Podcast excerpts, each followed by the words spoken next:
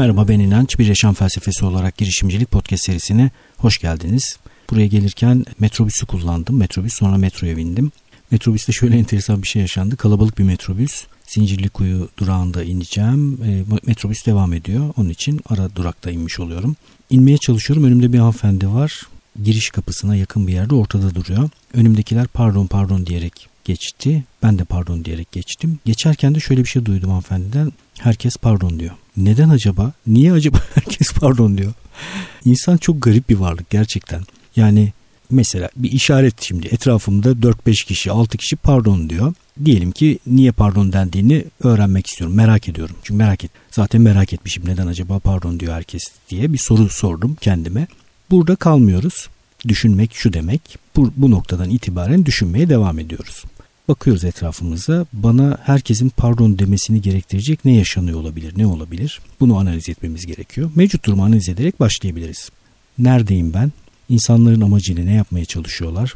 Bana pardon diyerek ne elde etmeye çalışıyorlar? Bana pardon demelerini gerektirecek bir durum var mı? gibi sorular sorarak bir süre sonra giriş yolunda ortada durduğumuzu keşfetmemiz mümkün. Sonra yavaşça kenara çekilip inmeye çalışan insanlara yol verirsek kimse bize pardon demeden hayatımızı güzel bir şekilde sürdürebiliriz. İşte düşünmek bu kadar bir yandan basit bir yandan da az kullanılan bir şey. Umarım bundan sonraki hayatında o hanımefendi o sorduğu soruyu analiz ederek hayatına bolca düşünerek devam eder. Sonra buraya geldim yoğun bir hafta yaşadım e, açıkçası. Biraz bu yoğun haftadan da bahsetmek istiyorum. Yani çok keyifli bir eğitim geçirdim. Bel grupla, Bel Karper grupla. Onlara özel bir e, satış eğitimi tasarladık. Böyle özel tasarımları çok seviyorum ben. E, var olan bir eğitimi kurumla buluşturmak yerine ihtiyaçları tespit edip o ihtiyaçları giderecek şekilde bir tasarım yaptığımızda çok daha kuvvetli davranış değişikliği elde edebiliyoruz. Sahaya indik, marketleri dolaştık, e, görüşmeler yaptık, kurum çalışanlarıyla görüşmeler yaptık, yöneticileriyle görüşmeler yaptık ve tüm bu girdilerden ve ihtiyaç analizinden sonra 4 e, günlük fırsatları görmek adında bir satış kampı tasarladık. İki gününü tamamladık. Çok keyifli geçti. Ve enteresan bir şey yaşadım orada katılanlardan birisi podcast dinleyicisiymiş. Cemal. Çok ilginç. Çok şaşırttı beni bu. Birden bütün diğer katılımcıların arasında Cemal benim böyle yıllardır tanıştığım, muhabbet ettiğim biri gibi geldi bana. Bu podcast'te arada bir bunu söylüyorum. Yani bana e, ve podcast'te şu ana kadar tahammül edebilmiş herkes tahammülden kastım şu zor fikirler var insanı sarsan silkeleyen fikirler var ve görüş ayrılıklarınız varsa hızlıca terk edebileceğiniz bir e, podcast aslında şu ana kadar de, dinlemeye devam ettiyseniz oturup kahve içip sizinle yıllardır tanışıyormuş gibi sohbet edebiliriz. Cemal de öyle geldi bana. Çok ki benim açımdan sürpriz oldu. Kurumsalda çalışıp bir yandan da podcast'i dinleyen birisiyle karşılaşmak. Kurumsalda çalışıp podcast'i dinleyen birileri olduğunu biliyorum ama bir eğitim sırasında rastgele bir şekilde yan yana düşmek benim açımdan çok keyifli oldu. E, podcast'i dinlediği bir sürü şeyin o stratejik çalıştay içerisinde ele alındığını da gördü Cemal. Arada da sohbet ettik zaten kendisiyle fırsat görme meselesi, strateji geliştirme meselesi ve bunu satışla birleştirme meselesi çok önemli. Ben satış fonksiyonuna hep çok değer vermişimdir. Bunu podcast'te de söylüyorum. Onlara da söyledim. Özellikle startup kuranlar, girişime kalkışanlar en çok bu satış pazarlama aşamasında tosluyorlar bir yerlere. Bir ürünü ayağa kaldırmak, e, ürün pazar uyumunu yakalamak, tabii ki büyük problem bunlarda ama bu, bu, bu noktadan sonrası asıl başlıyor. Yani hikayenin %20 %30'u buraya kadarı. Buradan sonrası satış, pazarlama özellikle de satış alanında eğer arkanızda güçlü pazarlama yoksa e, çok güçlü ürünler yoksa ve bir şekilde satışçı olarak orada sizin değer üretmeniz gerekiyorsa çok iyi bir pozisyon. Öğrenme açısından çok iyi bir pozisyon. Çünkü sizin orada bir takım potansiyelleri görüp onları aktüellere çevirmeniz gerekiyor. Denetim odağından, kontrol odağından bahsettik. O kısmı da tabii ki bayağı bir çarpıcı oluyor insanlar açısından. Ee, benim açımdan da öyle olmuştu bu arada. Yani insanın şunu kabul etmesi büyük bir adım oluyor kendisi açısından. Kimsenin umurunda olmadığını anlaması ve kabul etmesi. Yani tabii umurunda olduğumuz bir takım insanlar vardır bizim için e, düşünen, bizi değerli gören bir takım insanlar vardır ama bir işi başarmaya çalışırken beklemek yerine ne yapılması gerekiyorsa onu yapması gereken kişinin biz olduğumuz gerçeğiyle ne kadar hızlı yüzleşirsek o kadar hızlı ilerliyoruz. Sonra o e, eğitimden, iki günlük eğitimden sonra her gün öğren çekimlerine başladık. E, müşteri deneyimi üzerine bir e, Gökhan'la bu konuda uzman kendisi bir iki günlük bir çekim aşaması geçti. O da çok keyifli geçti. E, müşteri deneyimi üzerine yaklaşık iki aydır okuyoruz, öğreniyoruz, çalışıyoruz. Ve sonra Gökhan'la birlikte bu süzdüğümüz fikirleri video öğrenmelere dönüştürdük. Videolar çektik. Gökhan'ı tekrar buradan tebrik etmek istiyorum. Zor bir oyunculuk türünü başardı. Her gün öğrende biz yarı yapılandırılmış bir teknik kullanıyoruz.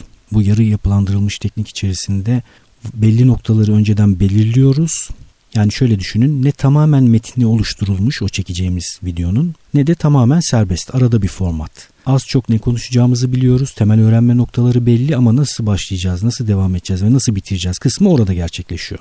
Hatta arada çekim yaparken çekim sırasında da aklımıza gelen bir şeyler olursa soruyoruz ve cevaplarını orada anlık olarak üretmemiz gerekiyor. Bu açıdan çok başarılı buldum Gökhan'ı. Ee, kendisi müşteri deneyimi alanında, Gökhan Kara müşteri deneyimi alanında iyi bir uzman. Türkiye'deki e, müşteri deneyimi alanında sertifika veren uluslararası bir şirketin tek sertifikalı uzmanı çok güzel kariyer açısından da ilham verici bir oturum oldu ikimiz açısından da. Biz mesela bu modülde daha çok müşteri memnuniyeti üzerine odaklandık. Yani müşteriye temas eden noktada çalışan herkesin değer kazanabileceği bir modül üretmeye çalıştık. Deneyim daha büyük bir şemsiye. Oraya doğru geçmedik açıkçası ama deneyimli olan bağını sürekli göstermeye çalıştık. Yani mesela bir çağrı merkezinde çağrı alan biriyseniz e, şu anda böyle biri var mı acaba bizi dinleyen? Varsa yazsın çok merak ediyorum gerçekten. Çok zor bir iş yapıyor her kimse o bizi dinleyen. Dinlemeyenler de zor iş yapıyorlar tabii. E, böyle haya yani benim kariyer hedefim çağrı merkezinde çağrı almak demiyordur kimse. Ama hayat içerisinde zaman zaman böyle zorlu görevleri üstleniyoruz.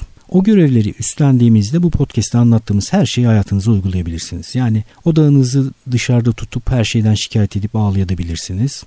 Ya da kendinize bir iyi belirleyip bu geçirmekte olduğunuz çağrı merkezi çağrı karşılama sürecini o iyiye bağlayan şekilde de yaşayabilirsiniz. Milyon şekilde bağlanabilir çünkü. Gökhan'la sohbet ederken de biraz bu bağları da çıkarmaya çalıştık. Mesela bir örnek vereyim. Müşteri deneyimi dünyada şu anda çok revaçlı olan bir alan. Müşteri deneyimi alanında uzman olmak çok önemli. Müşteri memnuniyeti alanında başladığınız için bu işe sıcak bir takım problemlerle karşılaşıyorsunuz. Kariyerinizi müşteri deneyimi alanında tasarımlar yapan, danışmanlıklar yapan bir noktaya doğru götürebilirsiniz. Yani çağrı almakla başlayan ve sonunda müşteri deneyimi uzmanlığına giden bir kariyer yolu çizmek gayet mümkün. Orada geçirdiğiniz o süreyi bu açıdan görürseniz sizin için çok daha faydalı olacaktır. Çağrı alırken yine yaşadığınız o dönemi insanların duygu durumunu takip eden, o duygu durumunu yöneten, size aşırı mutsuz gelip sizinle yaptığı çağrı sonrası aşırı mutlu bir noktaya getirebilmek bir insanı. Böyle bir beceri edindiğinizi düşünün. Başladığınızda 1 ile 5 arasında bir skalada bir durumunda geliyor size çağrı. Sonra öyle bir etkileşim geçiriyorsunuz ki 5 noktasında gönderiyorsunuz bir insanı. Böyle bir şey mümkün. Bu becerileri edindiğinizi düşünün. Yani işte bu iki kurgu içerisinde yaşıyor olmak e, bütün farkı ortaya çıkarıyor bence. Bir tanesi bir süreliğine çağrı merkezinde çağrı almam gerekiyor çünkü ekonomi oluşturmam lazım ve bunu yapmak durumundayım bakışı. Gelişime açık bir bakış, öğrenmeye açık bir bakış değil. Diğeri ise kendime bir iyi belirleyip burada geçirdiğim bu süreci iyiye nasıl bağlayacağımı düşünebilirim ve bunun üzerine bir tasarım yapabilirim. Yaşam kurgumu bunun üzerine yapabilirim bakışı. İkinci bakışa sahip olduğunuzda orada geçirdiğiniz sürenin tamamı anlamlı hale geliyor. Zor bir süre çünkü. Gerçekten şöyle düşünün yani hani vardır ya insanın bulunduğu mekana kapıyı açarak, kapıyı çalarak, zili çalarak, merhaba diyerek girenler vardır. Bir de böyle baltayla falan giren birileri de olabilir mekana. Hırsızlık yapmak için giren olabilir. Çağrı aldığınız zaman bazıları böyle gülümseyerek girerken sizin bulunduğunuz mekana, bazıları da camı kırıyor, içeri dalıyor. Ya da tavanlı camlı olarak düşünün. Tavandan helikopterle böyle camı kırıp şey gibi tim gibi giriyor yani içeri. Böyle birden masanızın üzerine şangır diye düşüyor. Şimdi bu noktadan tekrar görüşmek üzere noktasına getirmek bir insanı çok ciddi bir duygusal yolculuğu tamamlamak, ona eşlik etmek demek. Bunu yapabilmek için insan doğasını bilme, bilmeniz lazım, insan psikolojisini bilmeniz lazım, öğrenmeniz lazım, insan davranışını bilmeniz lazım, iknayı bilmeniz lazım, kendinizi tanımanız lazım. Mesela e, her gün öğren serisi içerisinde ele aldığımız şeylerden bir tanesi şuydu ki çok önemliydi bence. Kendi zor insanını tanı ve bu zor insanla nasıl mücadele edeceğini öğren. Şimdi biz hayat içerisinde kendi zor insanlarımızla karşılaştığımızda yön değiştirebiliriz tabii ki. Hayatımızdan bizi zorlayan insanları çıkarabiliriz. Bunun keyifli ve bizi mutlu eden bir tarafı da vardır ama bir de şu açıdan düşünün. Bunu yapamayacağınız durumlarda, bu durumu yönetmek zorunda olduğunuz durumlarda aslında bir yetenek de geliştiriyorsunuz. Kendi zor insanlarını tarif ettiğinde insanlar ve onlarla nasıl mücadele edebileceklerini de belirlediklerinde duygu yönetimi açısından, duygusal zeka açısından daha iyi bir noktaya gelmiş oluyorlar. Bundan bahsettik mesela. Böyle benim açımdan e, o ana kadarki birçok şeyi bir arada birleştirebildiğim bir video çekimi oldu. Çok keyifliydi. E, orada edindiğim bu bir takım şeyleri de sizinle paylaşmak istedim açıkçası. Daha önce de benim paylaştığım bir şeydi bu. Yani insanın mesleğine ve herhangi bir anda yaptığı işe nasıl baktığının o şeyi nasıl yaşayacağını değiştiriyor olduğu fikrini daha önce paylaşmıştım zaten. Öğrenme açısından, gelişim açısından bakacak olursak yani ilerideki iyiye bağlamak açısından bakacak olursak her şey hemen hemen bağlanabiliyor. Yani çok böyle mobbing görmüyorsanız, çok mutsuz değilseniz, aşırı sıkıntı çekmiyorsanız, psikolojiniz dağılmadıysa bir noktada bulunduğunuz noktada bulunduğunuz durumu gelişim fırsatı olarak görüp başka bir iyiye bağlamak üzere o süreyi daha iyi geçirebilirsiniz. Ama tabii bunun bir şartı var. Birinci şartı şu bir kurgunuzun olması lazım. Şu iyi kurgusu dediğimiz Aristo'nun mantık şeması. Bu şema şu anda ilk bu bölümü dinlemeye başlayan birisi nedir bu şema nedir iyi diyor olabilir. İlk 10 bölümü podcast'teki muhakkak dinlemeniz gerektiğini arada bir söylemem gerekiyor. Çünkü e, ara bölümlerden podcast'e girenler olabiliyor. İlk 10 bölümü sıralı olarak dinleyin lütfen. Bütün bu kavramları o baş bölümlerde konuşmuştuk. E, bunları göreceksiniz. Birinci şartı tekrar edeyim. Bir kurgunuzun olması gerekiyor. Stratejik bir kurgunuzun olması gerekiyor. İkinci şart da şu. Odağınızı içsel hale getirip gelişen, değişen, dönüşen bir insan olmanız gerekiyor. Bu ikisi olunca zaten her kurgu işe yarar hale dönüşüyor.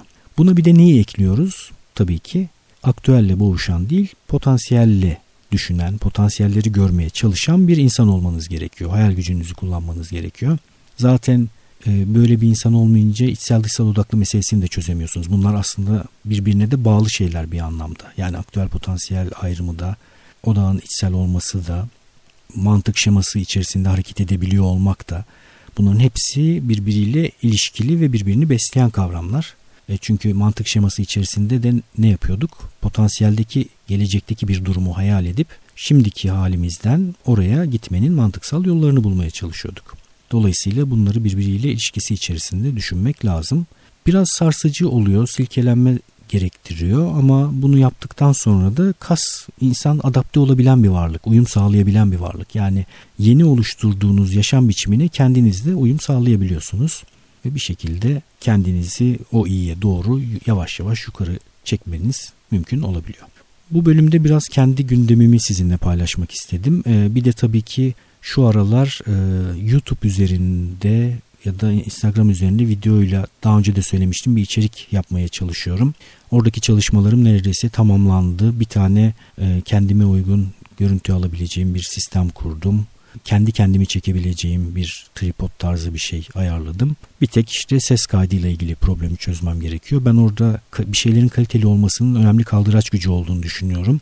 Pratik de olması lazım. Yani her an her zaman çekim yapabiliyor olmam lazım. Onun için ya yanımda taşıdığım bir dijital kayıt cihazına kayıt yapacak ya telefona kayıt yapacak ve profesyonel bir ses kayıt kurulumu oluşturmaya çalışıyorum. Bir tek o kaldı. Onu da yapınca artık yavaş yavaş Sizlerle de belki YouTube üzerinden de görüşmeye devam edeceğiz. Orada bana önerileriniz varsa her zaman paylaşabilirsiniz. İçinizde YouTube'da zaten içerik üreten birileri vardır. Edindikleri bir deneyim vardır. Ee, çok değerli olur benim için. Ee, bu deneyimleri paylaşırsanız e, benim de işimi kolaylaştırmış olur açıkçası. Nasıl bir şey yapacağım?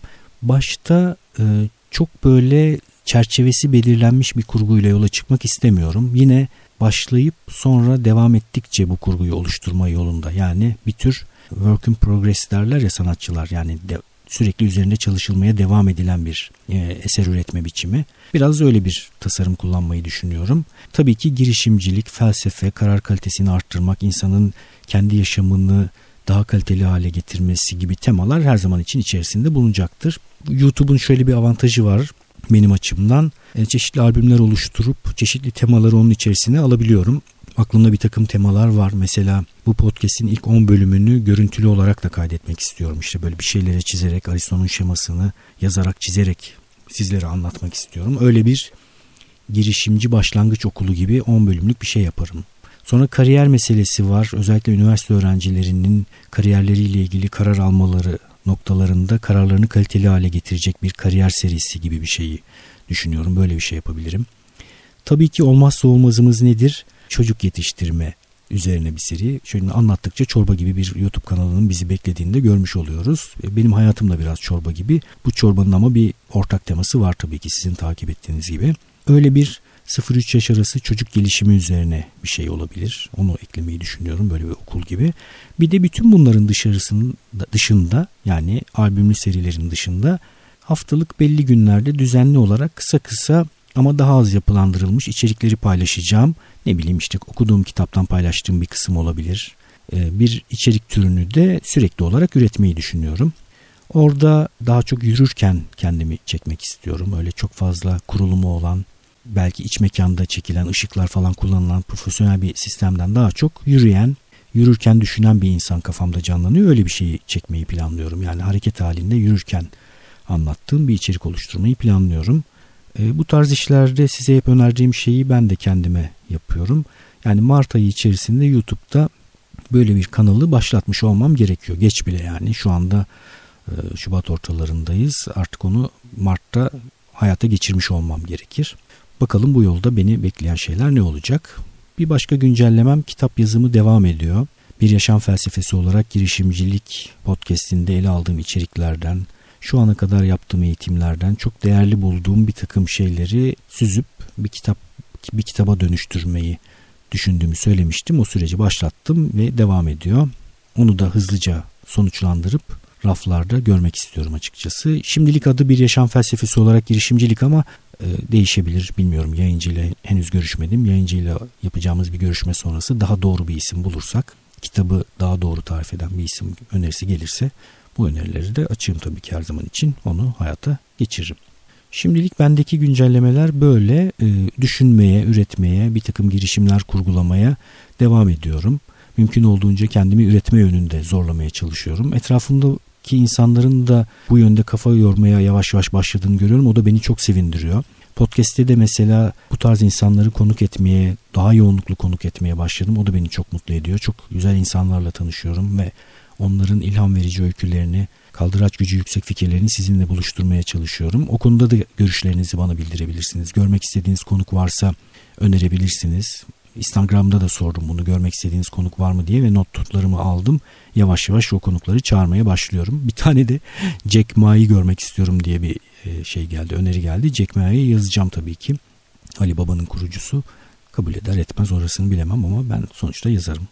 Bakalım ne olacak. Evet benim için yine çok keyifli oldu. Umarım sizler için de çok keyifli bir podcast olmuştur. Ee, inançayar.com'dan bültene üye olabilirsiniz. Çok komik bu arada. Çok enteresan insanlar var bu hayatta. Bana küfürlü bir e-posta geldi. Küfürlü e-posta değil de e-postanın adres kısmı küfürlü. Çok gerçekten çok ilginç buldum. Nedeni şu. Şimdi hani bazı web siteleri e-kitap verirken sizin e-postanızı girmenizi isterler. Yani e-postanı gir sana e-kitabı göndereyim derler. Girersiniz. Uyduruk bir e-posta gire, girebilirsiniz. Küfürlü de bir şeyler yazabilirsiniz. Bunu anlarım. Ya da e, bir makaleyi okumak üzere e-postanı girersen bu makaleyi okuyan okuyabilirsin diyen birileri vardır. Onu da anlarım. Benim hiç böyle bir durumum yok. Yani şöyle bir soru soruyorum. İnanç Ayar'dan e-posta almak ister misin? İşte bir takım kitapları, yaptığım işleri, e, bir takım girişimleri paylaşıyorum, anlatıyorum, listeler gönderiyorum. İstersen e-postanı yaz diyorum. Yani istemiyorsan kapatabilirsin. Seni bir şeye ulaştıracak bir eşik şeyi de değil bu. Yani e-posta almak için e-posta adresinin olması lazım zaten. E-posta almak üzere e-posta adresi bırakıyorsun. Buraya birisi küfürlü bir e-posta adresi bırakmış. Beni çok güldürdü eğer bizi dinliyorsa kendisini beni çok güldürdüğü için teşekkür ediyorum ve bana tekrar şunu hatırlattı. Dünyada gerçekten çok garip insanlar var. Çok ilginç insanlar var. Dünyada böyle çok garip ve çok ilginç insanlar olduğu bilgisiyle fazla da şaşırmadan eğlenebildiğim kadar eğlenebilmeye çalışarak devam ediyorum. Görüşmek üzere.